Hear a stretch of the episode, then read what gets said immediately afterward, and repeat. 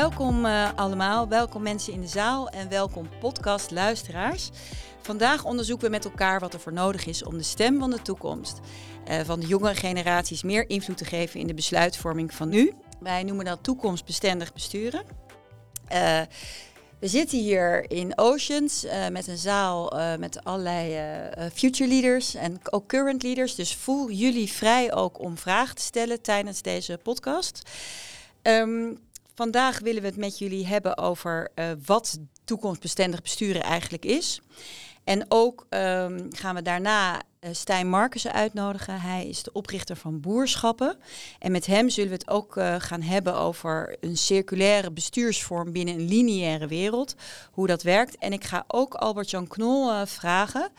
dat, hij is accountant en gespecialiseerd in ESG en in verduurzaming. Hoe we nou toch dat nieuwe ook goed inzichtelijk kunnen maken. Zodat de buitenwereld ook weet dat je als bedrijf met de goede dingen bezig bent. En dat we voorbij het greenwashing en social washing uh, komen. Uh, allereerst wil ik eigenlijk uh, beginnen met het beschrijven waar we nu staan. Want het is nu 2023 en we weten eigenlijk allemaal heel erg goed waar we naartoe moeten. We hebben allemaal doelen die bekend zijn. De klimaatwet, er zijn het grote akkoord getekend in 2015 in Parijs. Nederland heeft zelf een klimaatwet. En we bewegen eigenlijk richting 2030 naar een, ja, een, een, meer duurzame en inclusieve samenleving. Dat staat er in ieder geval op de lat. Uh, het is ook belangrijk, weten we, dat hebben we ook weer recent gelezen vanuit het IPCC-rapport, dat we onder de 2 graden blijven. En dat betekent qua opwarming dat we dus heel radicaal eigenlijk moeten stoppen met uh, CO2-uitstoot. En we hebben in Nederland ook een uh, stikstofprobleem, waardoor heel veel thema, zeg maar heel veel activiteiten ook stil liggen. Dus we hebben nog best wel wat uh, te doen richting de sol. En de grote vraag is eigenlijk, waarom bewegen we maar niet? Het lijkt wel of de doelen die we moeten halen, ondanks dat we het weten, dat we daar zo moeilijk uh, beweging in krijgen. dus eigenlijk is de grote vraag, hoe komen we toch voorbij de bla bla bla bla?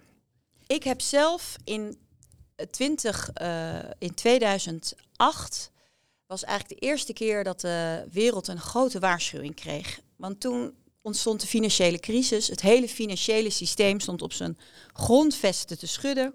En iedereen zei, nu doorbreken we dat lineaire groeimodel. Nu snappen we dat daar de toekomst niet in zit.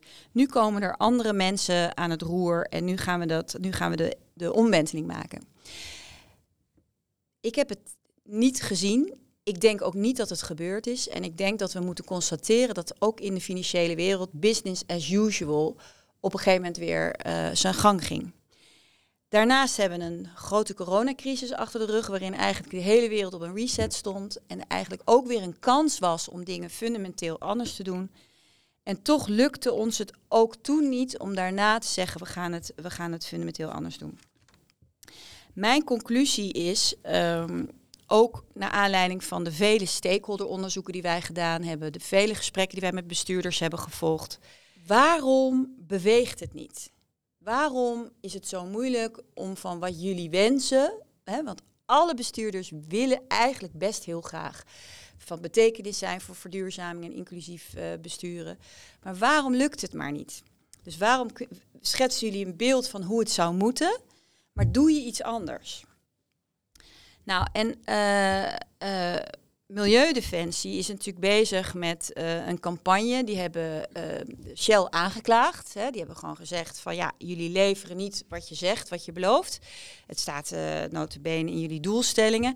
De rechter heeft daar ook van gezegd, Shell die bedreigt eigenlijk het leefklimaat van mensen. Nou, dus, dus zij moeten direct in beweging komen dat heeft Shell ook weer niet gedaan, want die zijn weer in een hoger beroep gegaan. En uh, wat mij eigenlijk zo fascineert in dit verhaal is, hoe, kom, hoe, komen we toch, hoe kan het nou toch zijn dat je van die gewenste situatie, hè, want ik heb nooit, nog nooit een bestuurder ben ik tegengekomen die zegt ik wil het niet, in die werkelijke situatie komt waar we nu zitten. Nou, Milieudefensie heeft daar twee filmpjes van gemaakt en die wil ik even aan jullie laten zien. Ik wil kijken of wat jullie daarvan vinden. Goedemiddag. Fijn dat jullie er allemaal zijn. En de reden dat ik jullie uitgenodigd heb is uh, om te vertellen dat, uh, dat, Ik ga straks een heleboel boze aandeelhouders te woord staan. Die gaan namelijk te horen krijgen dat uh, Shell stopt met olie. Oh, wacht even hoor. Maar... Afgelopen weken zijn we daar druk mee bezig geweest. En sinds vanmorgen zijn we gestopt met pompen.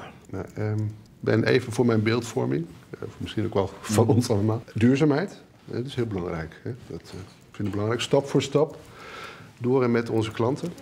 Dat is uitgangspunt dat we goede. Ze mag wel even hier komen zitten. Daar zijn we mee bezig. Met het, met het streven Kijk, natuurlijk dat we. Dat bedoel ik natuurlijk niet, hè, die praatjes. Streven, we zetten ons in, uitgangspunt. Laten we nou samen zeggen. Geen smoesjes meer. We gooien het roer om. Friesland Campina is maar één bedrijf, hè? In een kikkerlandje. Me toch een lol, zeg. Jullie... Jij weet net zo goed als ik dat Nederland een van de meest vervuilende landen is. Shell stopt met olie. Ja, omdat dat moet. Ja, anders is er geen toekomst. Ook niet voor onze aandeelhouders. Hm? Mijn vraag aan jullie is... Okay. Tata Steel gaat helemaal over op klimaatneutraal staal produceren. Ben, ik lig er ook wakker van. Dus palmolie, soja. We stoppen ermee. Ik ook. Wij ook. ING ook. Uh, eh, ABP stopt met investeren in fossiele brandstoffen.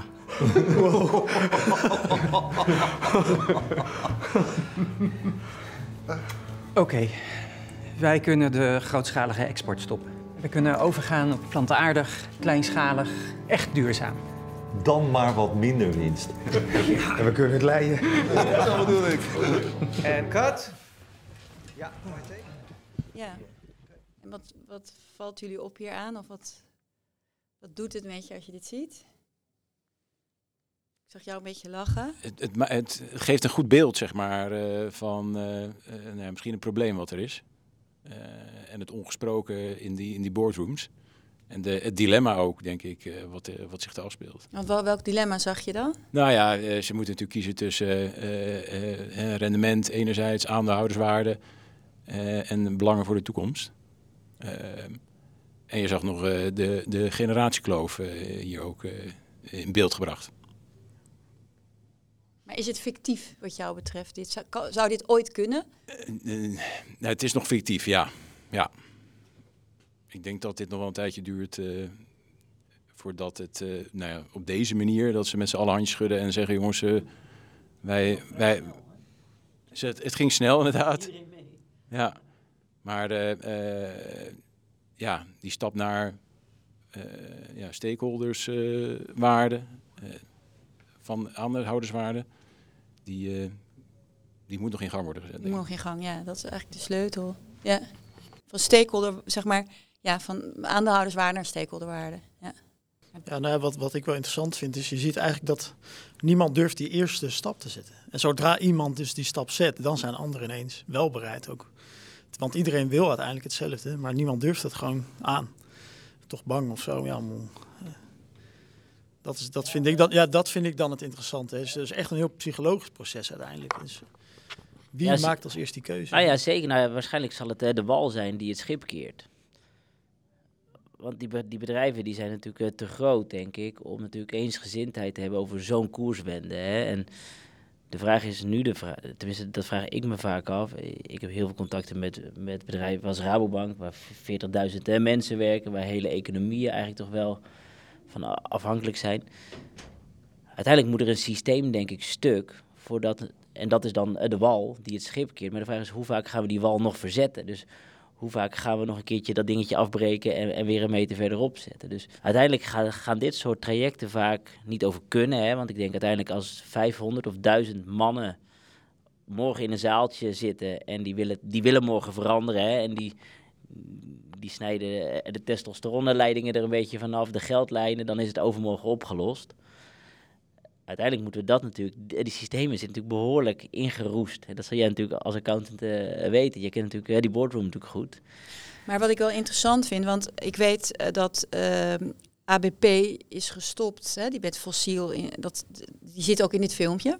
Die heeft daarna dat ook bekendgemaakt. Het een hoeft niet per se een kausaal verband te hebben met het ander, maar de directeur die dat toen destijds besloten heeft, die heeft dat ook echt gedaan onder druk van, de, van zijn ehm, deelnemers in het pensioenfonds, die dat ook niet meer wilden. En uh, onder druk ook van klimaatactivisten die bij hun in de hal stonden. En zo is wel het balletje gaan rollen. Dus dat draagvlakstuk, daar zit natuurlijk wel heel veel interessante waarde. En ik, het oude woord daarvoor was reputatie. Ik uh, zie dat dat ook gekaapt is door de bestuurskamers als, oh dat is een reputatierisico, dat moeten we even managen. Hè? Maar dat nieuwe, waar ik heel erg in geloof, is gewoon draagvlak. Dat kan je gewoon niet kopen. Hè? En als je dat kwijt bent, dan ben je ook je license to operate kwijt. En dan wordt het wel heel ingewikkeld voor een bedrijf. Dus maar draagvlak zou je ook kunnen uitleggen als level uh, playing field. Dus in de zin van? Het is natuurlijk heel, heel ingewikkeld als een beheersmaatschappij van heel veel geld om natuurlijk als enige te gaan stoppen. Want dan ben je altijd natuurlijk, dan is je, is, is je argument, dan gaan ze naar, uh, naar een andere club. Hè? Dus um, uiteindelijk, maar dat zie ik in mijn eigen generatie ook, in de millennial generatie, wij willen allemaal eens naar, naar een eenvoudiger leven. Maar het liefst zou je dat met z'n allen doen. Het liefst zou je met z'n allen niet meer vliegen naar Bali. Maar dat je ook niet op Instagram ziet dat zij het wel doen en jij niet.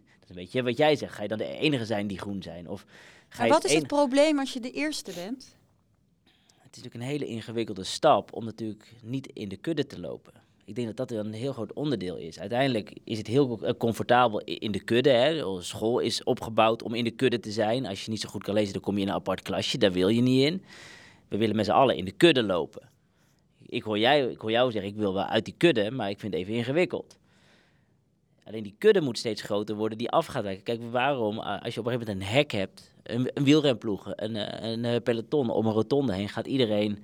Die, maar die rotonde kan ook zo... Eh, snap je dat als je met een peloton op een rotonde af, afgaat? Ja, ja, dan moet je dus linksom, rechtsom. Links of rechtsom, maar je zou eigenlijk eens een keer met een hele grote club de andere kant op moeten fietsen. Ja. Uh, en dat zie je ook bij grote bedrijven, die zijn vaak zo groot ga met de eerste stap maar eens nemen. Dat zag je de Danone doen met Ernst Faber. Die werd eventjes zet teruggeroepen. Nee, ik, doe, ik sluit me daarbij aan. En ik, ik, voor mij komt het woord moed uh, ook dan bovendrijven. Met dat een D. Met een, met een D, exact. Ja. Sorry, ja, moet met een D. Wat ook afgelopen zondag bij Buitenhof volgens mij werd verteld over bestuurlijke moed van bestuurders.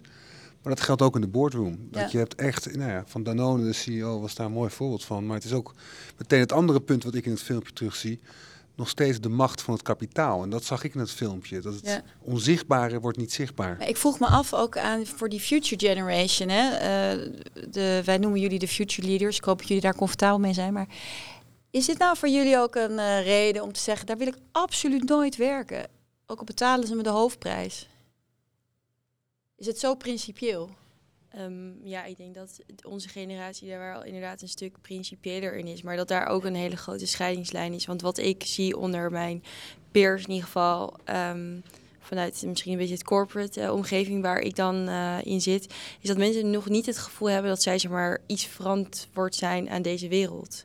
En dat het daar heel erg vaak uh, misgaat omdat zij, nou eigenlijk precies wat jij zei van oké, waarom zou ik dan uit die kudde stappen? Want ik zie dat zij ook naar Bali vliegen. Waarom moet ik dan mijn eigen geluk, zeg maar, of minder gelukkig zijn bij wijze van spreken, terwijl de rest van de mensen het wel doet? Zeg maar wat is mijn impact? En dat is denk ik waar het heel vaak, um, ja, dat, ja, dat, dat, dat gevoel ook heel erg heerst onder jongeren. Ik wil eigenlijk met jullie naar het tweede filmpje omdat dat uh, uh, iets laat zien over de werkelijke situatie van Shell. Uh, het gaat ook over Shell. maar wat mij opviel, dat er ook heel veel jonge mensen in dit filmpje voorkomen. Dus ik ben ook benieuwd hoe jullie daarop reflecteren. Ben, jongen, na tien prachtige jaren als CEO van Shell. Nou, dat is niet zo makkelijk dit. Is het dan nu tijd om het stokje over te dragen? Maar kerel, wat heb jij het fantastisch gedaan. We delivered strong financial results. Als jij iets wilde, ging je er ook echt voor. Neem bijvoorbeeld het uh, kleinburgerlijke gezeik over onze lucratieve gasexploitatie in Groningen. Ondanks de klachten over aardbevingen en instortende huizen, hebben we er dankzij jouw inzet nog jaren heerlijk kunnen boren. Of toen we die hysterische klimaatzaken in onze broek kregen, omdat de wereld zogenaamd naar de Filistijnen gaat, toen had jij de bals om in hoger beroep te gaan. daarbij heb jij onze manier van denken blijvend hervormd. Dankzij jou weten we dat het cruciaal is voor onze corporate image om non-stop te praten over renewable power, fighting climate change, net zero, net zero, net zero emissions energy business. En dat allemaal zonder een cent in te leveren op de winsten en het winnen van nieuwe olie- en gasvelden. Ik pomp alles op wat ik kan oppompen. En nog net voordat jij vertrok heb je ons een prachtig presentje gegeven, dicht bij huis. Boren in de Waddenzee. Ah, schitterend. Maar boven alles willen we je hartelijk bedanken namens onze shareholders. Terwijl de gemiddelde Nederlander verzuipt in de energieprijzen, Je werkt fulltime, je werkt keihard, maar toch kom je niet rond. hebben wij de afgelopen maanden tientallen miljarden binnengeharkt. En we zitten nog steeds midden in een upwards trend. Nou, dat is echt world class. Dus Ben, jongen, we gaan je missen. Jouw legacy is er een van een schitterend groen imago voor ons prachtige oliebedrijf. En van recordwinsten in een tijd van hoge druk en veel gedram. Powering progress. Dus ik zeg, proost. Ja. Wat doet dit met jullie? Volgens mij is dit wel redelijk de werkelijke situatie. En dat is niet helemaal waarvoor ik eh, wat ik zou willen. Maar misschien ben ik hier de enige, maar dat raakt me weg wel even. Ja. Ik denk zeker dat dit een serieuze, echte situatie is. Ik moet zelf zeggen dat ik absoluut niet voor Shell zou willen werken. Maar ik merk ook wel dat het binnen mijn kring...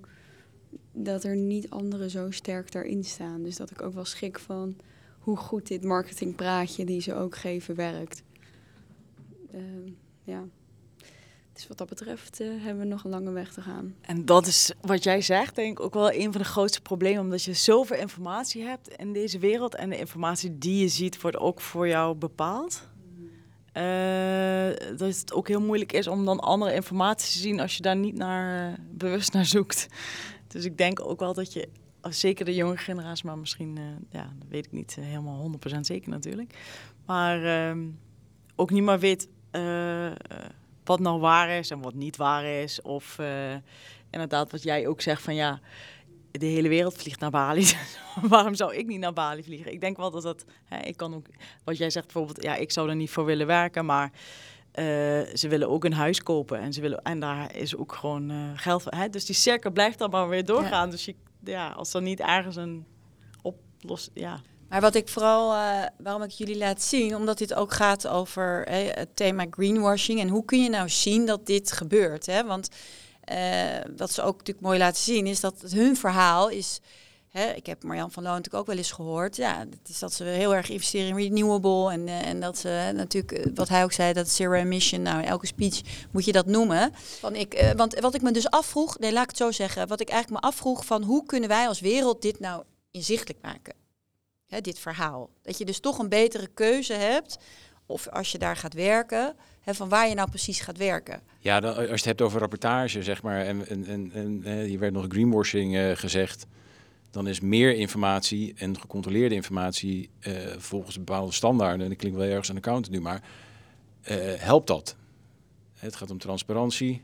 Het gaat om, nou, ik heb eerder gezegd, met je billen bloot.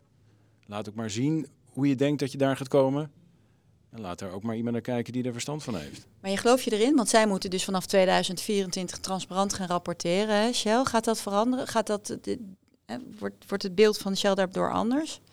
Ook voor mensen die gaan werken, dat ze echt zwart op wit zien? Eh, nou, ik denk dat er heel veel informatie komt. Dus ik denk dat er eerder een overload is. Ehm, en, Ja, en- ticking the box Ja. Ja. Eh, de- Ja. Dat is ook een strategie, denk ik. Die wordt ook al bewust eh, gemaakt. Ehm, maar eh, er komt wel meer vergelijkbaarheid. En je krijgt wel echt iets meer informatie. Wat mij fascineert is een beetje de link tussen deze twee filmpjes. Want ik vond het sarcasme van dit laatste filmpje heel sterk. Eh, ik vond het sarcasme van dit tweede filmpje heel sterk. Wat mij veel meer raakte was de emotie van die CEO toen hij zei we stoppen met gas. Hè? Dus daar zit dus een emotie achter. Die man heeft hè, tranen in zijn ogen als hij dat moet zeggen. Ehm, dan zie je dus de- real CEO. Ehm, jij zei net aan het begin, er is geen leider die niet wil. Er is geen manager die eigenlijk niet de goede beweging wil maken.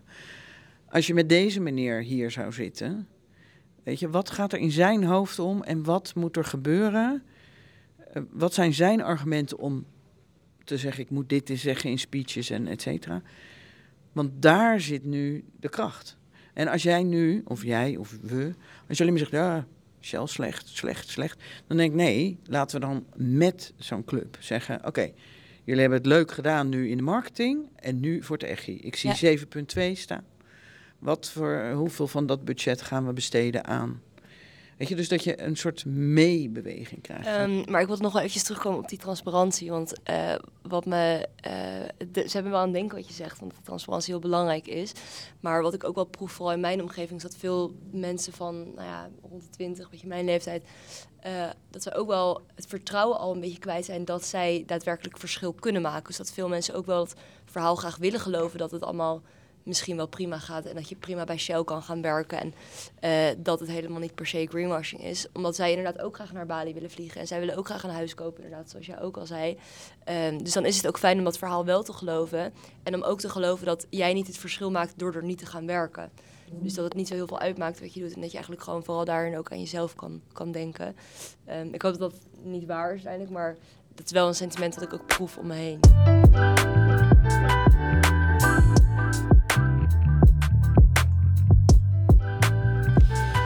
Wil graag met jullie uh, uh, mijn analyse delen over dit. En ook waar ik uh, wel hoop zie. En ook zeker voor de future leaders, voor de toekomstige generaties. Kijk, mijn analyse is dat dit systeem gewoon muurvast zit. Afgezien of deze mensen nou welwillend zijn of niet, het huidige lineaire bestuurssysteem zit vast. En dit is mijn analyse daarover. Je hebt een organisatie als Shell, die haalt eigenlijk primair zijn informatie intern uit de eigen organisatie over hoe ze, wat voor de olievelden en wat het rendement is enzovoort. Dus dat is zeg maar de, de organisatieinformatie die omhoog gaat. De blauwe cirkel is het bestuur of is het bestuursorgaan.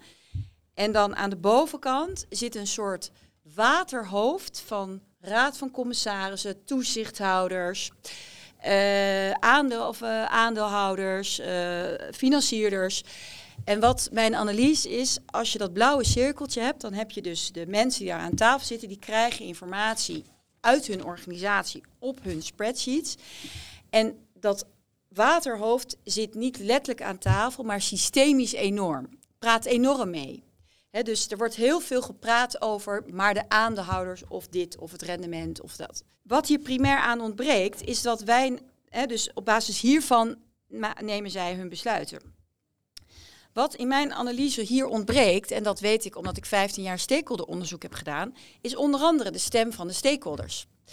Wij hebben heel veel onderzoeken gedaan, die werden ingekocht door de afdeling marketing of communicatie die zeiden, jeetje, dit moet naar het bestuur. Maar het bestuur heeft daar geen plek voor. Letterlijk niet. Want ze denken, ja, uh, hebben we nog even vijf minuten oh ja, voor dat stakeholderonderzoek. Weet je wel? Oh, dat verschuiven we wel weer naar volgende week. Het zit in niemands portefeuille. Ja, de CEO zou dan voor stakeholders, hè, uh, maar... Dus het heeft nergens een plek. Het heeft geen ruimte. Die stemmen kunnen nergens heen. Dat is mijn analyse. Omdat er ook geen processen voor zijn. Dus dat, dat, dat, dat, dat moet eigenlijk gebouwd worden. En, uh, en datzelfde geldt voor de stem van de toekomst. Met zo'n jongboard maak je een systeem waardoor die stemmen binnenkomen. En dus interventies kunnen doen. En zolang die stemmen er niet zijn, uh, is zo'n raad van bestuur eigenlijk primair in zijn eigen bubbel aan het besluiten. Maar als die stemmen dus binnenkomen, dan wordt dat proces veranderd. En dat is uh, waar ik gewoon hoop zie. En dat komt ook doordat het draagvlak, dat bedrijven allemaal gevoelig zijn voor reputatieschade, maar ook voor, hè, voor goodwill, voor de bed voor talent. Mensen willen allemaal graag goede werkgever zijn. En mensen, al die bedrijven praten over een license to operate. Als iets duidelijk werd, ook naar aanleiding van de gascrisis in, in Groningen, was dat Shell daar natuurlijk volledig zijn license to operate is kwijtgeraakt. Wat, wat heel veel uh, impact heeft gemaakt, ook intern en um, daar heb je natuurlijk andere voorbeelden van. Wij weten ook, uh, we hebben uh, de Volkswagen-case met de dieselfraude. Heeft ook intern enorme dreun opgeleverd. Nou, Heineken hè, met Rusland. Dat heeft grote reputatieschade extern, maar ook intern. En dat houdt bestuurders natuurlijk wel ontzettend bezig. Dat ze wel zorgen dat ze een license to operate hebben. Dus dit model, daar geloof ik in. En ik denk dat dit, de, mede ook doordat de maatschappij aan het drukken is op die cijfers, hè, van maak het maar transparant. Mede omdat generatie Z toch, ook al zeggen hè, we nu, ja, maar iedereen wil toch nog naar Bali vliegen, toch scherper eh, is en ook, eh, ook dapperder is in die zin dat eh, met, de, met klimaatacties enzovoort zich, zich hun stem laten horen. En stakeholders, die zullen toch ook steeds meer vragen gaan stellen aan bedrijven van ja, wat lever je dan aan het grotere geheel? Dus ik denk dat daar wel degelijk een verandering eh, gaat komen. Daarbij komt dat er ook in wetgeving bijvoorbeeld dingen verankerd gaan worden. Rob Jetten is bezig met eh, het, het vormgeven van beleid en een klimaatwet waar de generatietoets ook letterlijk in genoemd wordt. Ook daar is het weer super interessant hoe ze dat gaan doen. Want je kan het weer ticking in de box doen. Of je kan het echt hè, vanuit een soort intrinsiek gemotiveerde situatie doen. Ehm, dit hebben we al besproken. Ik wil eigenlijk, eh, ja, dus mijn analyse is dat het kan, mits bedrijven daar ook een soort kader voor krijgen van waar ze dan, als ze bijvoorbeeld een jongbord installeren, ook aan moeten voldoen. Hè? Dat het dus niet zomaar is van, oh ja, we hebben, we horen eens in de zoveel tijd de generatie eh, Z, maar dat dat dan echt ook in de processen zit verankerd. En ehm, nou, ik denk dat wij daar inmiddels wel een proof of concept voor hebben dat dat kan. Dit is pas de eerste fase, maar dat er wel beweging in zit. Dus ehm, ik zou zeggen, er is zeker hoop. Zeker hoop. En de draagvlak eh, is altijd met meer hè, dan het primaire lineaire model. Dus die druk, dat drukverschil moet op een gegeven moment voelbaar worden. Dat kan niet anders. Dus dat was eigenlijk mijn eh, verhaal vanuit Future Proof Governance. Ik denk ook wel dat het belangrijk is dat degene die eh, het bedrijf runt, zeggen, ook eh, zijn rol anders ziet. In plaats Ja. van eh, dat je zendt aan informatie, dat je eigenlijk meer begeleidt. Ja.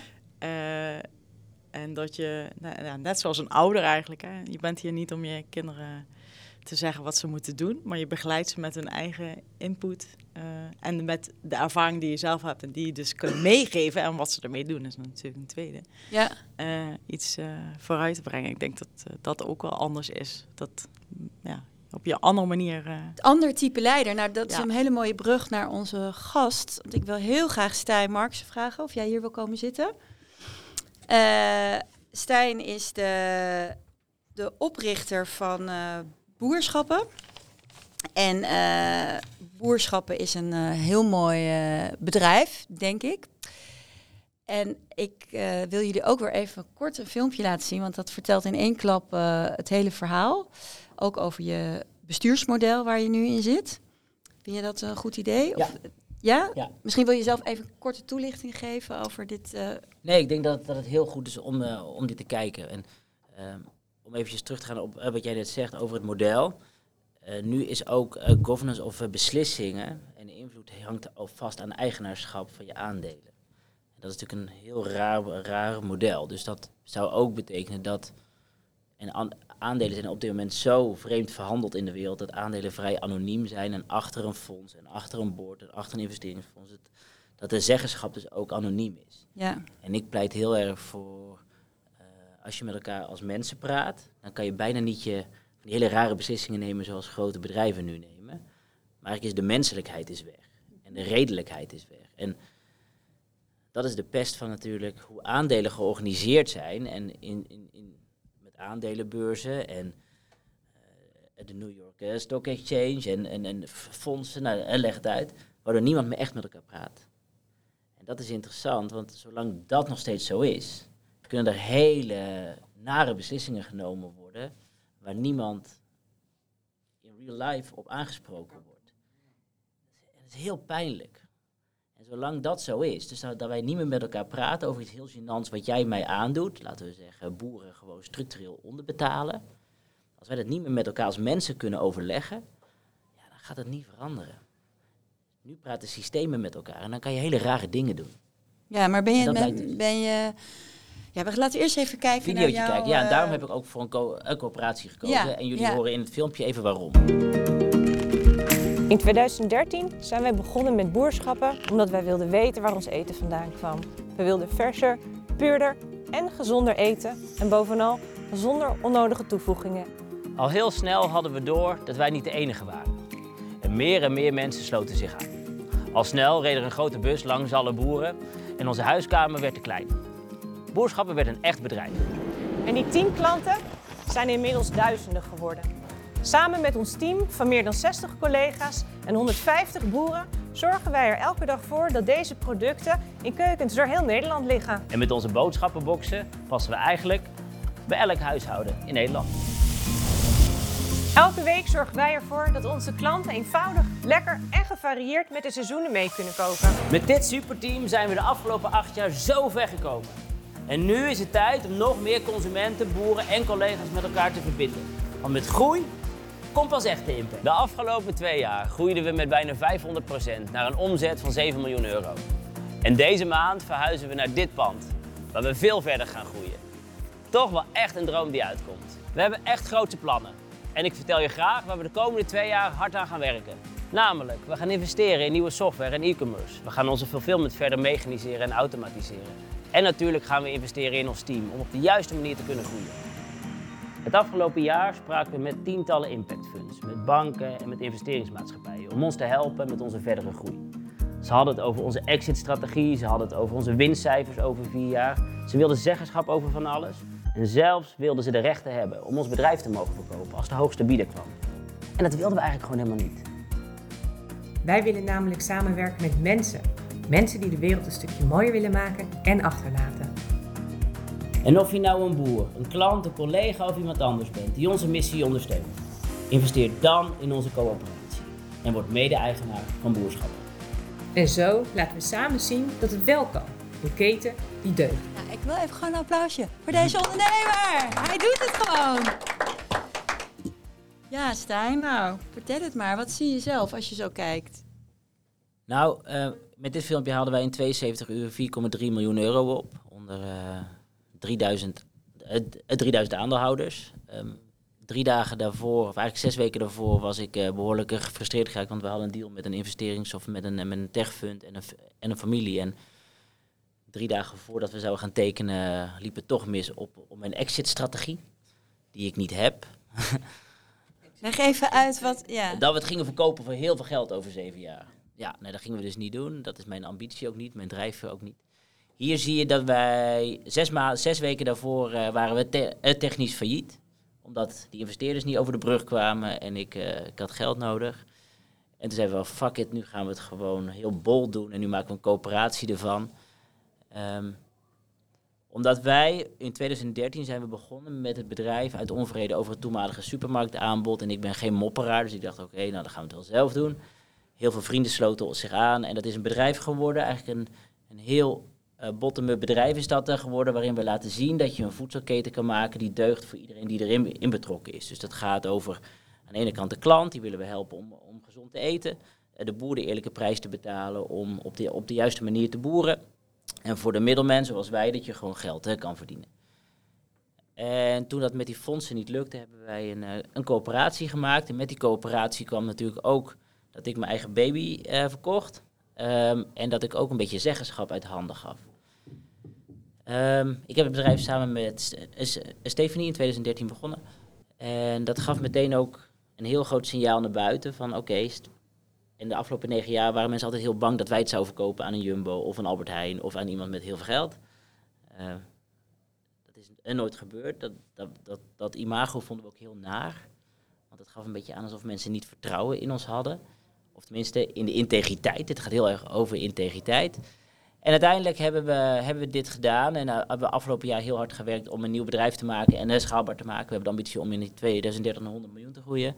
Um, en ons doel is niet per se om heel groot te worden, maar met het inkoopvolume, ongeveer, ongeveer 60% van onze omzet, kunnen wij boeren in transitie helpen naar regeneratieve of biologische regeneratieve landbouw. En dat betekent natuurherstellende landbouw. Om even helemaal terug te komen over de boardroom, hè, dus over een uh, Ben van Beurden. Ik geloof niet dat iedereen, iedereen zomaar uh, het goede wil doen. Iedereen wil het goede doen als ze de, klant, uh, de juiste klant hebben. Niemand wil zijn verdienmodel opgeven. Uh, dat geldt voor boeren hetzelfde. Er is heel veel te doen over de stikstofboeren of over boeren die stikstof uitstoten. Er is geen boer die natuurlijk blij wordt van puinzooi veroorzaken. Maar als hij een goede klant zou hebben, zou hij best wel mee willen naar een nieuwe landbouw. Dus wij proberen, dat is ons hele doel ook, een voedingsketen te maken die deugt voor degene die erin betrokken is. Dat betekent dus ook voor die modellen maken voor de vrolijke boer die met ons zin heeft om op een andere manier te boeren. In ruil daarvoor, voor dat, voor dat product, of eh, voor dat geld, krijgen onze klanten gewoon een heel gezond product. Voeding die voedt uit een keten die deugt. Zonder dat het ingewikkeld is voor degene die erin betrokken is. En mijn droom zou zijn in 2040 dat we zeggen, oké eh, jongens, die voedseltransitie, was dat dit? En dan we zeggen, ja, ja, ja, dat was het eigenlijk al. Dat hebben we nu gedaan. Zodat, we willen ook dat het niet ingewikkeld is. En dat begint eigenlijk ook met de storytelling en mensen meenemen. En vertellen eigenlijk hoe leuk het is om het goede te doen. Ik wou je nog vragen, want jij uh, bent begonnen, uh, toen was je, zoals je zelf altijd zegt, het troetelkindje van de Rabobank. Hè? Ja. Dus die vonden jou, uh, jullie bedrijf natuurlijk een mooi, denk ik, mooi voorbeeld van hoe je ja. duurzaam of wat, wat, wat, wat, hè, het past er goed bij hun. Ja. En, en hoe ging dat verder? Zijn ze meegegaan met jullie? Ja, Rabobank en wij hebben een rare relatie. omdat we heel vaak plannen hebben bedacht die goed waren. En toch zie je dat in de governance, daar heel vaak, er werken 43.000 mensen geloof ik, zie je toch wel ergens dat ergens alle goede ideeën toch wel een keer een knip Weer krijgen of een trap krijgen. Ja, ja. En dat komt door, dan, door tegengestelde belangen. Dus ja, er moet een transitie komen, maar hoe dan? En als je kiest voor het ene, dan zet je eigenlijk het andere zet je in de kou. En zo hebben we heel vaak met grote bedrijven hebben we, hebben we plannen gehad. Omdat we natuurlijk toch wel lieten gewoon zien dat het wel kan. Hè? Dus dat je gewoon als je maar iets in een busje stopt en juist in dit busje naar de juiste persoon brengt, dan zie je toch dat het ingewikkeld is, omdat het voor heel veel bedrijven zit gewoon een heel erg groot gevaar voor het verdienmodel. Het huidige. Ja, en dan kom ik toch weer terug, want dat, jullie dragen bij aan regeneratieve boeren. Dat is heel erg belangrijk voor biodiversiteit, voor schoon drinkwater. Nou zijn dat de standards, wordt daar ook over gerapporteerd. Hè? Straks moet je gaan rapporteren over wel, wat, je, wat je voor een uh, troep veroorzaakt of niet. Hoe, ga ik toch weer heel even naar Albert, de accountant.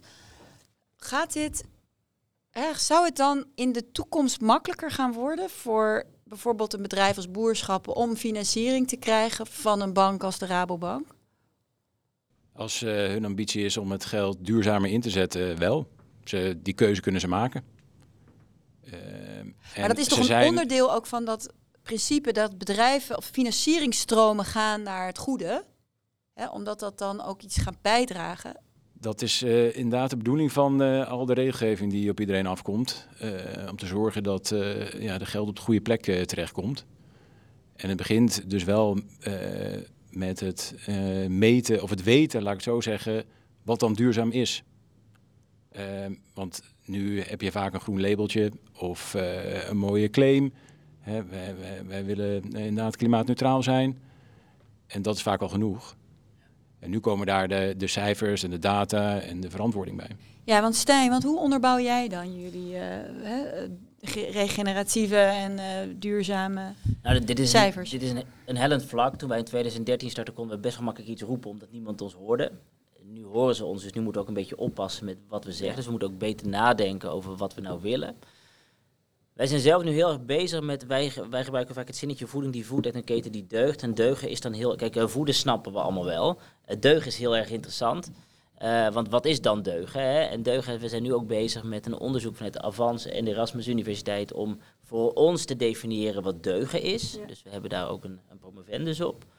Um, en dat vragen we aan heel veel partijen. Dus dat vragen we aan boeren, dat vragen we aan klanten, dat vragen we aan interne collega's, maar dat vragen we ook bijvoorbeeld aan een Kees Klomp of aan, weet ik veel, kinderen van groep 8. Ja.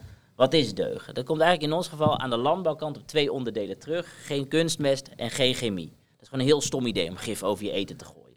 Dus toen nog kwam ik op een gegeven moment op het idee van waarom gaan we niet kinderen van groep 8? Ik heb zelf kinderen van 2, 4 en 6. 7 is die geworden gisteren. Morgen je feestje? ja, morgen feestje. Gaan naar NAC. nou, leuk. Oh, leuk. En uh, uiteindelijk, als je aan een kind vraagt eh, eh, van groep 8, vind je het een logisch idee om gif over je eten te gooien? Dan zal hij zeggen, nee, dat lijkt mij dom, want gif is natuurlijk niet goed voor je. Heb je antwoord. Um, vind je het een goed idee om rommel in je eten te gooien als je proces? Dus vind je het goed om maltodextrine doorheen te gooien? Of nee, dat is niet goed, want dan wordt je buik en dan heb je je antwoord. En we zijn gewoon common sense vergeten. En eh, ehm, zoals wij nu kijken naar deugen, dat gaat aan de ene kant dus over de landbouwkant. Dus het gaat over de bodem, lucht, water en biodiversiteit. Aan de voedingskant gaat het over wat zit erin, wat zit er niet in. Dus Ja. Het gaat over macronutriënten, maar dat gaat ook bijvoorbeeld over stoffen die, eh, die, ehm, die je neurologisch stelsel kunnen aantasten. Nou, dat is heel makkelijk, is dat, is dat in stofjes te definiëren.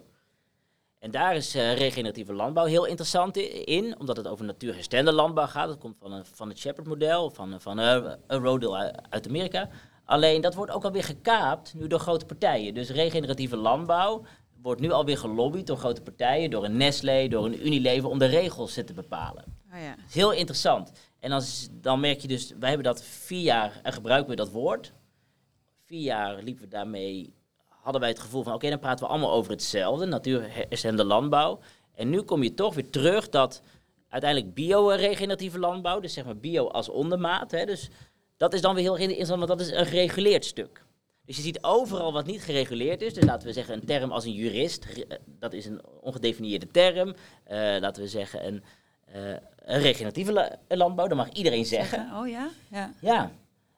Is dan, en dan is het heel fijn om, om, te, om achter een keurmerk te kunnen gaan zitten. Ja. Er is geen eh, definitie. Er is geen definitie op een regeneratieve landbouw. Dus eh, maar regeneratieve landbouw heeft wel een heel, een heel sterk eh, duurzaam imago op dit moment.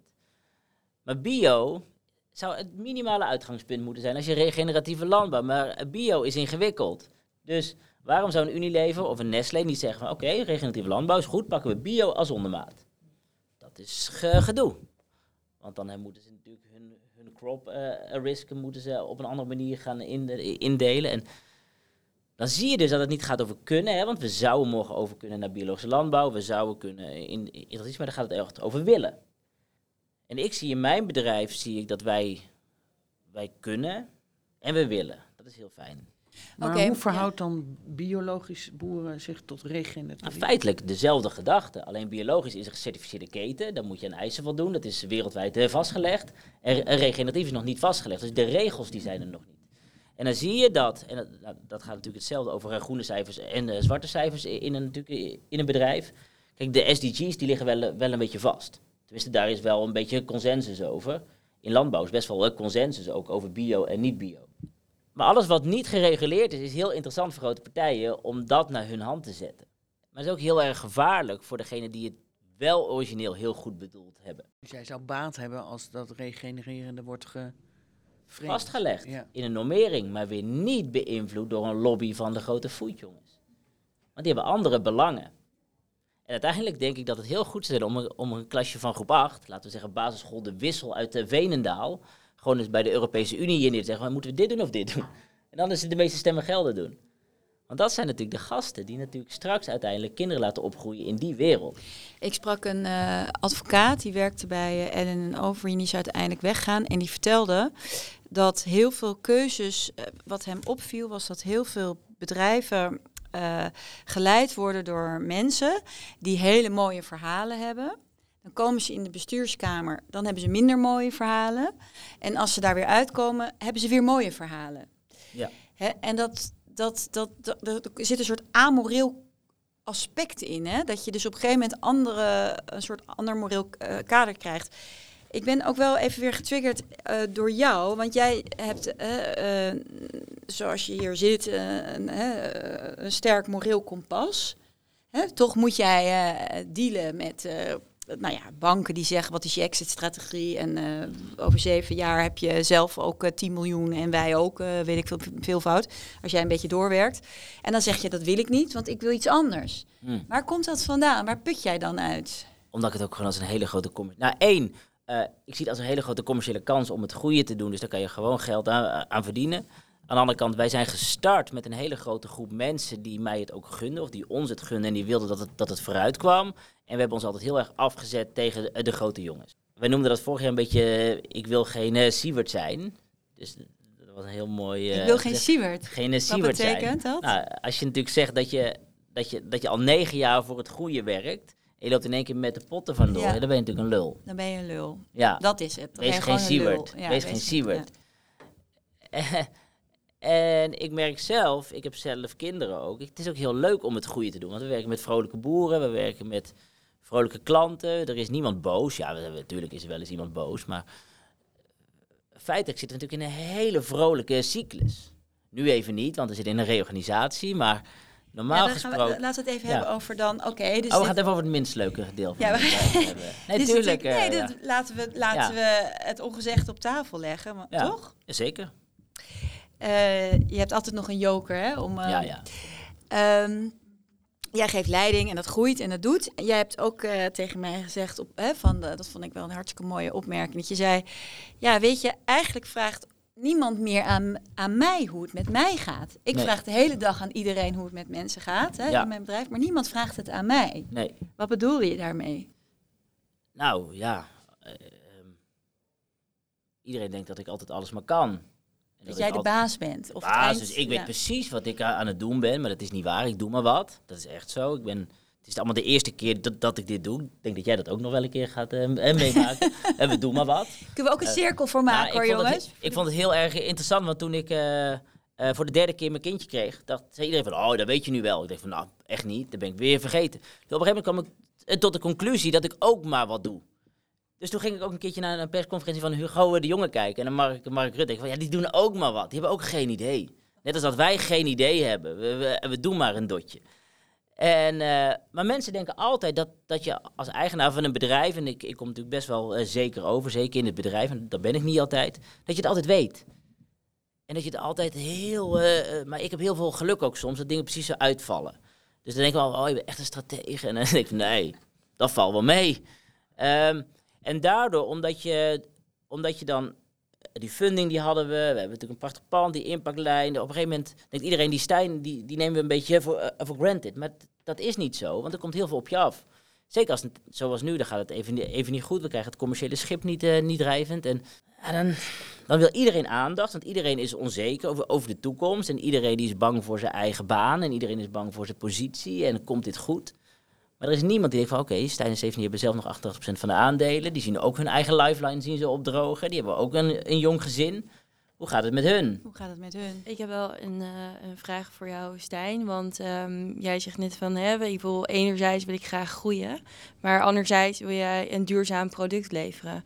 En ik kan me niet voorstellen dat daar geen spanningsboog tussen zit. Er zit absoluut niet een spanningsboog in.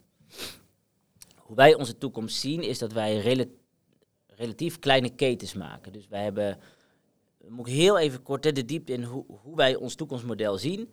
Wij halen 's ochtends producten op, die doen we in de 's middags in een doosje in Breda en s'avonds vliegt dat uit. Lekker met de vliegtuigjes overal heen. Ja, be- best wel. Dus in Nee. 12 uur organiseren wij een keten van een kleinschalige boer in een doosje naar jou. Of naar jou. Ehm, hoe, hoe, verder dat opschaalt, hoe meer je op een gegeven moment ook een groter pand gaat bouwen. En grotere systemen, grotere boeren, nog een grotere kaas, kaasboer. Hoe wij kijken naar groei is dat we per regio een hub gaan bouwen. Waarin we met kleinschalige boeren ehm, een relatief kleine keten kunnen, ku- eh, eh, kunnen maken. Dus een hub bij ons kan ongeveer groeien ongeveer een 25 tot 30 miljoen. Daar zijn we nog niet hoor. Dus, eh, en in, die, in, die, in zo'n eh, regionale hub kunnen er misschien wel drie of vier kaasboeren zitten. We hebben net een hele nieuwe impactlijn ontwikkeld, een fulfillmentlijn, een geautomatiseerde impactband, gebaseerd op een Japanse spelletjesfabriek. Spelletjesfabrieken die bouw je, of een spelletje, de ene spelletje heeft 40 onderdelen, de andere heeft één onderdeel. Dat is bij onze box hetzelfde. En eh, het, ene, het, het ene dingetje komt van een kleine leverancier, de andere van een hele grote keten. Dus we hebben die lijn zo gebouwd dat wij met kleinschalige boeren kunnen werken die het inpakken zoals zij het willen inpakken. Dus dat is de ene keer in een bananendoos, de andere keer in een EPS-krat. En zo hebben we helemaal ge- geprobeerd van hoe kunnen we nou vanuit opschaling, maar ook vanuit on- onze governance, hoe kunnen we nou zorgen dat als we naar 100 miljoen gaan, hebben we waarschijnlijk vier of vijf hubs, hoe kunnen we dat dan kleinschalig houden? Dus een vraag is die wij intern hebben, als je straks een Groningse klant bent, dan werk je dus via onze logistiek met een Groningse boer, automatisch. Moet je dan ook een Groningse klantenservice aan de lijn krijgen en de Groningse boer moet die een Groningse inkoper aan de lijn krijgen? Of ga je dat weer centraal organiseren vanuit zo'n vreselijke locatie in IJsselstein? Weet ik, sorry, IJsselsteiners. Ehm, dat zijn hele interessante vragen. Daar hebben we Gijs voor, die helpt ons. Dus dat is een or- organisatiespecialist. Die erg vanuit eh, de, sociotechniek kijkt. Hè. Dus uh, beslissingen zo laag mogelijk in de organisatie leggen. En zo laag mogelijk klinkt dan heel naar, maar zo dicht mogelijk bij waar het fysiek gebeurt.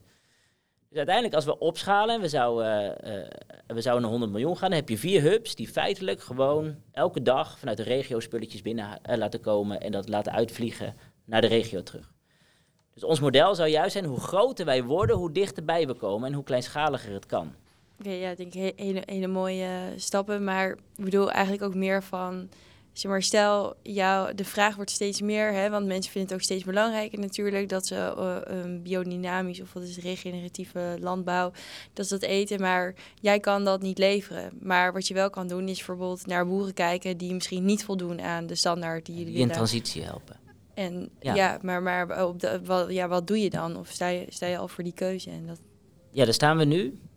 We zijn, waren bezig met de, met de, met de Boerschap Academie. Dus wij weten dat we met ons marktvolume kan je iets voor elkaar krijgen. Dus als wij 100 miljoen omzetten, dan kunnen we voor 60 miljoen spullen inkopen. Transitie van een reguliere boer naar biologische dynamisch of bio of eh, bio-regeneratief duurt zeg maar 3, 4, 5, 6, 7 jaar. In, dat, in die fase, die moeilijkste fase, zouden wij juist een verdienmodel kunnen maken. Dus we praten nu ook met banken en met investeringsfondsen. Hoe kunnen we nou, als wij naar dat volume gaan, dat de boer die moet gewoon zijn effort doen, daar krijgt hij hulp bij. Uh, er komt gewoon een activa of een werkkapitaalfinanciering vanuit of een investeringsfonds of vanuit een bank. En wij brengen het verdienmodel in. Want dan kom je namelijk op, op het punt dat het offer niet zo heel groot is voor degene die erin betrokken zijn. Dus een boer die, die weet, de komende vijf jaar heb ik mijn afzet onder controle. Ik weet hoe ik mijn boerderij in transitie moet krijgen. En mijn uh, voordeel is, is dat ik die reis kan ik, kan, ik, kan ik vertalen naar uh, storytelling. Dus ik kan al mijn klanten vertellen van kijk eens wat wij aan het doen zijn in, in Etteleur. Kijk eens wat deze boer um, aan het doen is. Kijk, er is inmiddels weer uh, 27 wormen per kuub terug. En er zit zoveel water in het oppervlak. Dus voor mij levert dat een storytelling op. En natuurlijk gewoon onderstroom aan producten. Dus mijn belang is ook om juist die boeren te helpen. Maar indirect helpen zij mij maar voordat ik op het punt zit dat ik te weinig producten kan inkopen, uh, moet nog heel veel groeien. Dus er zijn heel veel fantastische boeren die, uh, die nu al heel erg goed werken, waar we nog voldoende kunnen inkopen. Maar het liefste zou je samen optrekken en dan zou je die boeren ook onderdeel willen laten zijn van onze coöperatie. Ja, er zijn toch ook een aantal organisaties zoals Land van Ons en zo, die boeren helpt om die overstap te maken. Absoluut. Werk je daarmee samen? Daar praten we wel mee. Kijk, uiteindelijk gaat het over al het groeien. Dus of, of je nou over waterstof of over regeneratieve landbouw of weet ik gaat het over heb je voldoende klanten om goede verdienmodellen te maken. Nou, over waterstof heb ik weinig, weinig mee te doen. Maar uiteindelijk wil je, wil je verdienmodellen maken voor de goede boeren die, en die wil je belonen voor het werk. En daar zijn een land van ons en er hele interessante partijen voor, omdat die ook uh, onderliggende waarden zoals uh, landbouwgrond kunnen financieren. Stijn, ik wil even met jou verder, want uh, je zegt als je genoeg klanten hebt, hè, dan, kan je ook, dan kan je ook ondernemen en dan kan je ook het goede doen. En toen zag ik dit voorbij komen. dit filmpje. laten we er even naar gaan kijken. Al negen jaar werken Stefanie en ik aan boerschap. Volledig tegen de stroom in, veel pionieren, hard werken en met als hoogtepunt de omschakeling naar een coöperatie vorig jaar om het goede nog veel verder op te schalen. En nu onze inpaklijn klaar is, onze IT als een huis staat en we dus klaar zijn voor verdere groei, lukt het ons in het marketinggeweld van de grote jongens niet om voldoende klanten te werven. En dat is een probleem. Want terwijl Nederlanders nog nooit zo ongezond geweest zijn, de natuur op een dieptepunt is en boeren nog steeds geen eerlijke prijs krijgen om het goede te doen, maakt de voedselindustrie recordwinsten. Terwijl ze doen alsof ze er voor de boer, de natuur en de consument zijn. Maar we weten allemaal dat dat niet zo is en dat verandering echt nodig is. En terwijl iedereen daarover praat, zijn wij het hier gewoon aan het doen. Wat boerschappen doet, is relevanter dan ooit. En daar ligt dan ook meteen de oplossing. Want wie niet sterk is, moet slim zijn. En jij, als vriend van boerschappen, kan ons helpen. Want als jij je aanmeldt, draag je bij aan een duurzaam voedselsysteem. Eet je mee met het lekkerste seizoen van het jaar, terwijl we onze boeren wel de eerlijke prijs betalen die zij verdienen. Hoe help je ons? Meld je nu aan voor een boerschappenbox en stel ons voor aan je buurvrouw, collega of tante, zodat ook zij met ons mee kunnen eten. Dan lossen wij dit probleem met z'n allen op, kunnen we verder bouwen aan onze missie en gaan we gewoon laten zien dat het wel kan. Een keten die deugt. Maar daar hebben we jou dus wel echt even voor nodig. Dit was wel een risico. Ja, want? Hoe, hoe vind je het om dit zelf terug te horen? Uh, Nou, dit gaat even terug. In 2015 zijn wij op een gegeven moment zijn wij boeren gaan helpen die overschotten hadden. En we zijn, waren een beetje de Robin Hood. Dus wij, wij jatten het geld van de rijken en we gaven het aan de boeren in ruil voor producten. Dus we hebben altijd een hele vrolijke hulptak in ons bedrijf gehad. Dus wij hielpen, we stonden voor iedereen op de bres. Ehm, even belangrijk om te vermelden, nadat we die funding op, ophaalden, hebben we een heel nieuw bedrijf gehad, een schaalbaar bedrijf. En toen kwamen we, onze Customer Journey ging live op 1 januari en er gebeurde helemaal niks. Dus advertenties gingen aan, dat konden we altijd heel goed.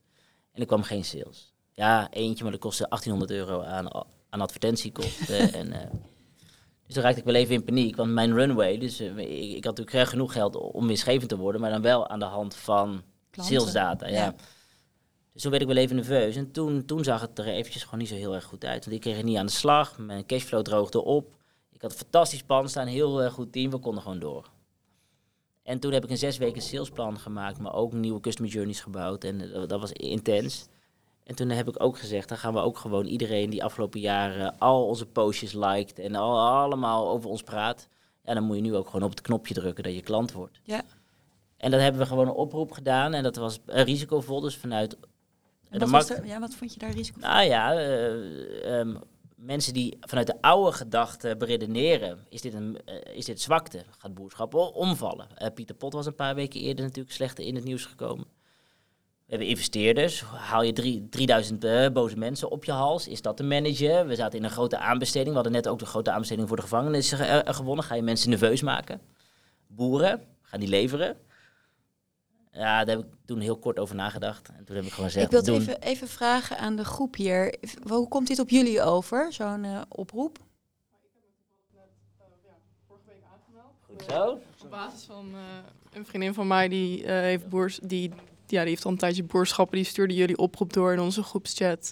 Ja. Eh, en toen dacht ik gelijk, ja, dit wil ik ook. Dus ik ontvang maandag de eerste box als het Oh. goed is. Geef die naam even door. Dan schrijf ik er een brief bij. Ja.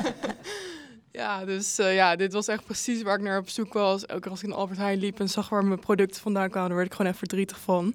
Dus ik dacht, eh, nou, dit sluit echt precies aan bij eh, waar, waar ik naar op zoek ben.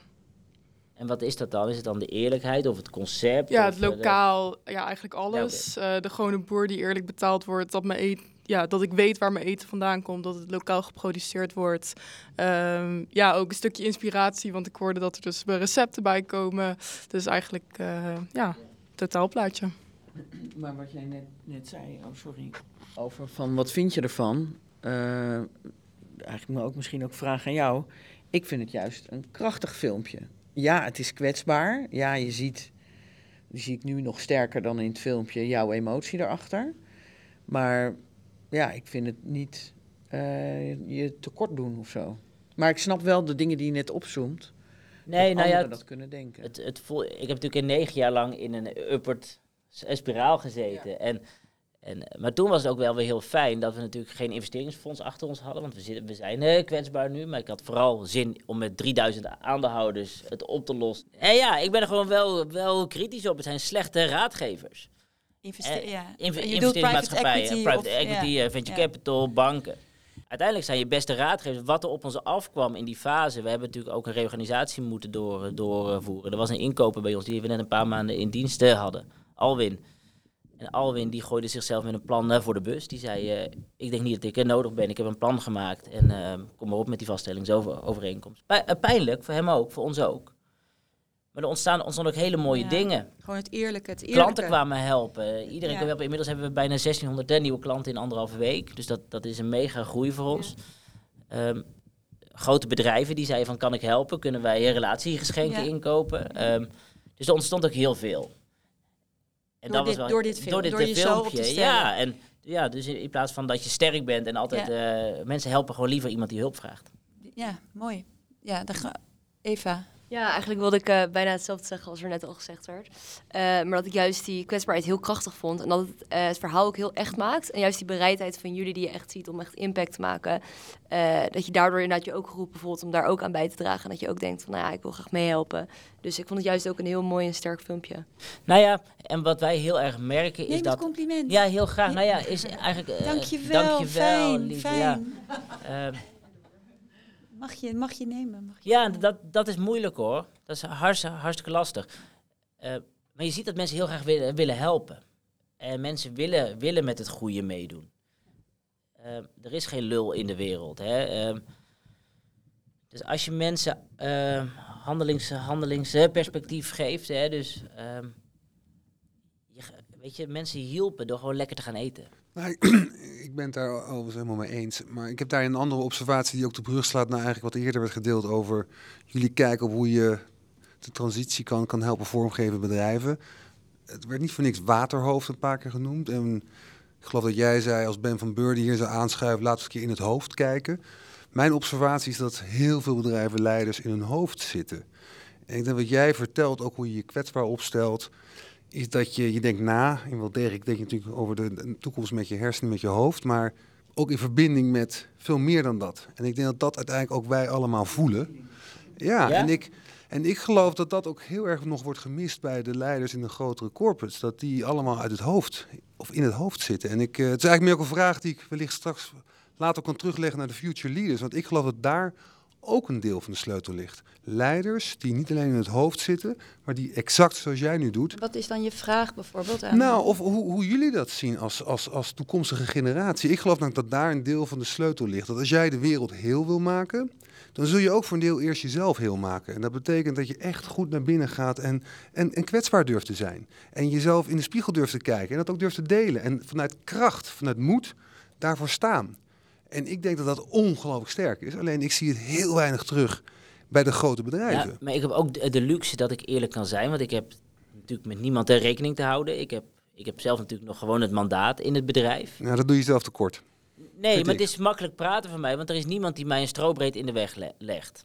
En als jij natuurlijk uh, een CEO of je bent een bestuur van een grote organisatie met 24.000 anonieme aandeelhouders waarvan je geen idee hebt wie het zijn, maar die sturen alleen maar op die beurskoers of op die EBITDA of weet ik veel. Maar ik heb daar wel, maakt het heel erg wel, ingewikkeld. Daar zit een gigantische frustratie. Maar daar zit denk ik de frustratie ook in de maatschappij. Maar dat is wel de kern. Want uiteindelijk zou de oplossing zijn voor dit systeem zijn, zou naar een reële economieën gaan met echte mensen, zonder dat de aandelen verhandeld kunnen worden anoniem. Dus als jij een grote bek hebt, dan moet je dat komen vertellen op een aandeelhoudersvergadering. En dan moet je iemand in de ogen kijken, degene die je raakt. Moet je als eerste dat zeehondje gewoon eens zelf eventjes eh, knuppelen en daarna praten we verder. Hmm.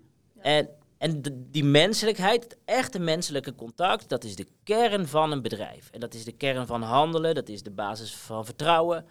Um, en ja, ik, wat ik, wat, wat me dus over, ik ben het helemaal met je eens en wat me altijd zo verbaasd heeft, we gaan waar wij ook mee bezig zijn geweest. We hebben het Klimaatfonds in Nederland. Kijk, aandeelhouders dat dan privaat geld en dat is weer een ander systeem. Maar we hebben ook heel veel publiek geld en dat wordt nu ook gealloceerd aan uh, klimaatdoelen uh, voor bedrijven. En uh, wij zijn er ook mee bezig geweest van kunnen wij niet zeggen dat alleen maar bedrijven die jongboord hebben of alleen maar bedrijven die bepaalde type leiders hebben, die aan zichzelf hebben gewerkt of die aan zelfreflectie kunnen doen of die open kunnen staan voor signalen en echt verbinding kunnen maken, dat dat een assessment wordt voordat je dat, dat, dat geld goed besteed wordt. Want nu gaat dat geld uh, gewoon weer, wordt dat op basis van de cijfers, hè, van uh, het absorptievermogen. En er worden allemaal weer lobby, lobbyisten opgezet. Ja, ik vind dat zelf dus super frustrerend. Dat wij als, dat is gewoon maatschappelijk geld, dat daar geen uh, toetsingskaders op zitten. Helemaal mee eens. En als ik daar mag toevoegen, ik denk ook idealiter zelfs accountants. Want ik geloof ook de leiders die daar beter in, in staat zijn, veel beter ook wendbaar in deze samenleving kunnen acteren als leider in een bedrijf, om te anticiperen op die veranderingen die zo snel en zo hard gaan. Maar wat, de accountant, nou, dat je hier, ziet dat daar, wat moet nou, hij doen? Nou, dat, je de waarde, dat je de waarde gaat uh, meten, ook in, in, het, in het menselijk kapitaal en, en, en, de, en de intrinsieke kwaliteit ook van het leiderschap wat, wat, wat uh, daar aanwezig is. Want hoe meer dat leiderschap, hoe menselijker dat leiderschap is, en dat zou je op een of andere manier ook moeten kunnen meten, hoe meer de resilience en de wendbaarheid van een bedrijf er is. En in deze tijden, waar we echt op chaos moeten leren surfen, kan je niet meer alleen op je hoofd zitten. Kan je niet alleen in je hoofd zitten, alleen maar lineair denken, want je gaat tegen een muur aanlopen. Ja, accountants is ook nog steeds uh, mensenwerk, met name mensenwerk. We kijken heel veel naar Excel-sheet en cijfers, maar het gaat met name wat erachter zit. Uh, en ik denk dat dat het belangrijkste is. Zo uh, zijn we ook opgeleid. We hebben discussies, gesprekken met eh, organisaties. Ja, daarom was corona een hele moeilijke tijd voor ons. Want er zat een scherm tussen. je was niet bij de klant. Eh, je kon de gesprekken niet voeren. Je kon niet kijken wat er bij de koffieautomaat eh, gebeurde of aan bij de receptie. Eh, dat is echt een wezenlijk onderdeel eh, of deel van ons, eh, van ons beroep. Eh, en dat maakt het alleen maar nog belangrijker nu. Ja, maar dat zou toch willen Omdat het minder harde dingen gaat. Als ik kijk naar Campina, of ik kijk naar Ahold, of naar Coca-Cola, of naar Unilever, of naar Shell. Dat zijn allemaal ja, in onze samenleving nog steeds zeer respectabele bedrijven. Waar zelfs de leiders op een zeker eh, stand, ja, op een zeker standbeeld staan. Voetstuk, ja. Voetstuk, dank je. En, en ja, ik, ik heb toch de indruk dat we daar nog wel echt een tekort schieten. En, en ik denk nogmaals dat jouw verhaal mij in ieder geval inspireert in mijn zienswijze op, op, op dat het echt belangrijk is dat we leiders nodig hebben die... Nou, ik geloof niet dat bedrijven zo groot zouden, zouden moeten zijn. Dus die hele concernstrategie, zo'n grote verantwoordelijkheid dragen met zo'n anonieme club mensen voor zo'n grote club in, of voor, voor zo'n grote impact, dat zou bijna. Ik geloof ook niet dat in de toekomst, en ik weet niet hoe lang we nog op deze aarde zijn als mens, ik geloof niet dat de toekomst ligt in, in hele grote eh, eh, concernachtige bedrijven. Met, met een eenduidige governance. Dat, dat geloof ik er bijna niet. Ik heb een, een, een eh, jongere eh, netwerkevent eh, binnen het bedrijf opgericht of eh, georganiseerd. Ehm, waarbij het thema was eh fuck-ups. Dus dare to fuck up. Om vooral te praten over fouten. En ehm, ook eh, daar hoort altijd bij dat dan de directie een praatje komt houden. Ehm, want ja, je, je, je hebt een toonbeeld wat je moet geven. Ehm, waarbij ik hem van tevoren gebriefd heb over dat dit het thema is. En of hij alsjeblieft dan ook vanuit dat thema iets zou willen vertellen. En dan zegt hij, ja, ja, ik vind jongeren heel belangrijk, dus eh, ik ga dat doen. Nou, toen kreeg ik van tevoren keurig de slides opgestuurd. En toen zag ik niks terugkomen van het hele thema. en toen, eh, ja, toen tien minuten Dit voor- was hem toch wel? Ja. Tien minuten voor het programma kwam hij naar me toe. Zegt hij, Suzanne, eh, heb je de slides gezien? Ik zeg ja, ik heb ze gezien. Ik zag alleen niks terugkomen van het thema. Ga je toch nog iets vertellen? Nee, nee, ga ik niet doen. Ik heb een vast verhaal. Ik zeg nou, in dat geval, we hebben hier honderd jongeren over de vloer. En het, ja, het gaat om kwetsbaarheid, om het voorbeeld geven. Dat is niet wat, wat ik vraag. En toen heeft hij uiteindelijk heeft hij het toch gedaan. Ja, dat hij een keer zijn Oh, veters ja. en niet gestrikt heeft. Ja, dacht ik al. Ja, hij gaat het doen. Ja. Maar dan alsnog, zeg maar, had- ik had hem anderhalf uur gevraagd om erbij te zijn. Omdat we ook daarna speeddates hadden om elkaar juist te leren. En ik zeg, dat is jouw moment om te laten zien dat jij jongeren belangrijk vindt. En binnen 25 minuten was hij weg, want hij moest naar het volgende.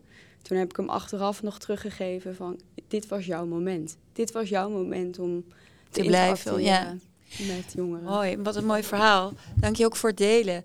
Maar in onze ervaring is ook als bedrijven starten met dit programma, wat ik net heb uitgelegd, dat het voor boards heel zwaar is, omdat er heel veel ongezegd boven komt. En ook dat ze zich gaan verhouden hè, tot, tot, op een nieuwe manier tot, tot jonge mensen of tot stakeholders. Terwijl in het oude model, het lineaire model, zijn zij altijd in control. Want zij zijn de baas en zij beslissen. En jij komt naar hun kamer en hè, zij bepalen de agenda. En dat is dus een hele nieuwe manier van omgaan. En ik vroeg, op een gegeven moment hadden wij een intervisie met een van die bestuurders. En die zei, die zei echt, uit, ik kon het, dat was de menselijke stem. Die zei, Milt, ik vond het echt heel erg zwaar, dit programma. En toen zei ik, zou, je andere, zou, je, zou jij andere bestuurders aanraden? Zei hij, vandaag, zegt hij. En ik zeg, maar waarom? Zei hij, ik wil bij de bouwers horen. Ik wil horen bij de mensen die bouwen hè, aan het nieuwe en niet bij de slopers. En als je dit niet aangaat, dan hoor je bij de slopers. Dat vond ik wel mooi. Weet je wat ik een hele interessante vind? Aan wat jij me van de week zei over een jongboard klinkt alsof jullie eh, je gaan be- bemoeien met van alles. Maar dat is natuurlijk feitelijk zo, maar ook feitelijk niet. De gedachte dat er gewoon slimme mensen komen om vragen te stellen, kritische vragen, dat, dat maakt, geeft denk ik al heel veel lucht. Want dat komt veel minder benauwend over. Het is zo leuk, het lijkt mij leuk. Eh, Jullie zijn van harte welkom om eens echt eh, twintig eh, klote vragen aan me te komen stellen. van eh, welke dingen ik allemaal verkeerd doe. En waarschijnlijk 19 keer gelijk. In één keer heb ik een goed argument. Maar dat, dat zou heel leuk zijn om een ploeg te maken met gewoon alles challenge de hele dag door. Maar niet alleen dat ik dan antwoorden moet geven, maar waarom niet ook mijn productieleider, mijn inkoop, eh, iedereen. Laat ons maar eens eventjes van ons voetstuk af. Want wij zijn ook dingen gaan, gaan eh, geloven dat we het heel goed doen of niet goed doen. Maar daar, wij zitten ook in onze bubbel. En door te erkennen dat wij het ook gewoon helemaal niet weten. eh, ja, dan heb je maar beter gewoon slimme mensen die, die, ons, die komen vragen of je... uite- Uiteindelijk zou je doel moeten zijn om, om beter te worden. En bereid zijn om af en toe wel eens eventjes eh, op je snuffer te gaan. Ik wil, hoe leuk het ook is, maar ik wil toch gaan afronden. Want het is, eh, denk ik, eh, tijd. Ehm, ook om jullie te vertellen dat we, ehm, eh, dat, we, dat we met elkaar zijn. Dat we ontzettend veel van elkaar kunnen leren. Als we er rust en ruimte voor creëren. Zoals we dat ook vanmiddag hebben gedaan. Daar gaan wij mee door. We, we gaan vanaf eh, september starten met de Futureproof Govern- Governance Academy. Dat is helemaal primair gericht op dit vraagstuk. Met future leaders, met current leaders. En ehm, de bedoeling is dat je er ook uitkomt. dus Dat je zelf goede vragen kan stellen in je eigen organisatie. Want het Futureproof Governance, eh, de kern daarvan is echt dat je weet welke vraag je kan stellen. En ook dat je kan luisteren. Eigenlijk naar het ongezegde. En elkaar daarop kan eh, zeg maar aanspreken. Dus dat, eh, dat wou ik nog even tot slot zeggen. En dan eh, wil ik jullie ontzettend bedanken voor jullie aanwezigheid voor de, bij deze cirkel. En ehm, voor jullie eerlijkheid. Ik wil Stijn ontzettend bedanken voor je mooie en belangrijke verhaal. Ik hoop dat er heel veel mensen nog naar gaan luisteren. En, en jou ook gaan volgen en gaan helpen. En hè, met elkaar komen we er. Ehm, ja, en ik denk eh, dat we lekker eh, even boven bij Mama Gaia een borreltje gaan drinken. Dank jullie wel.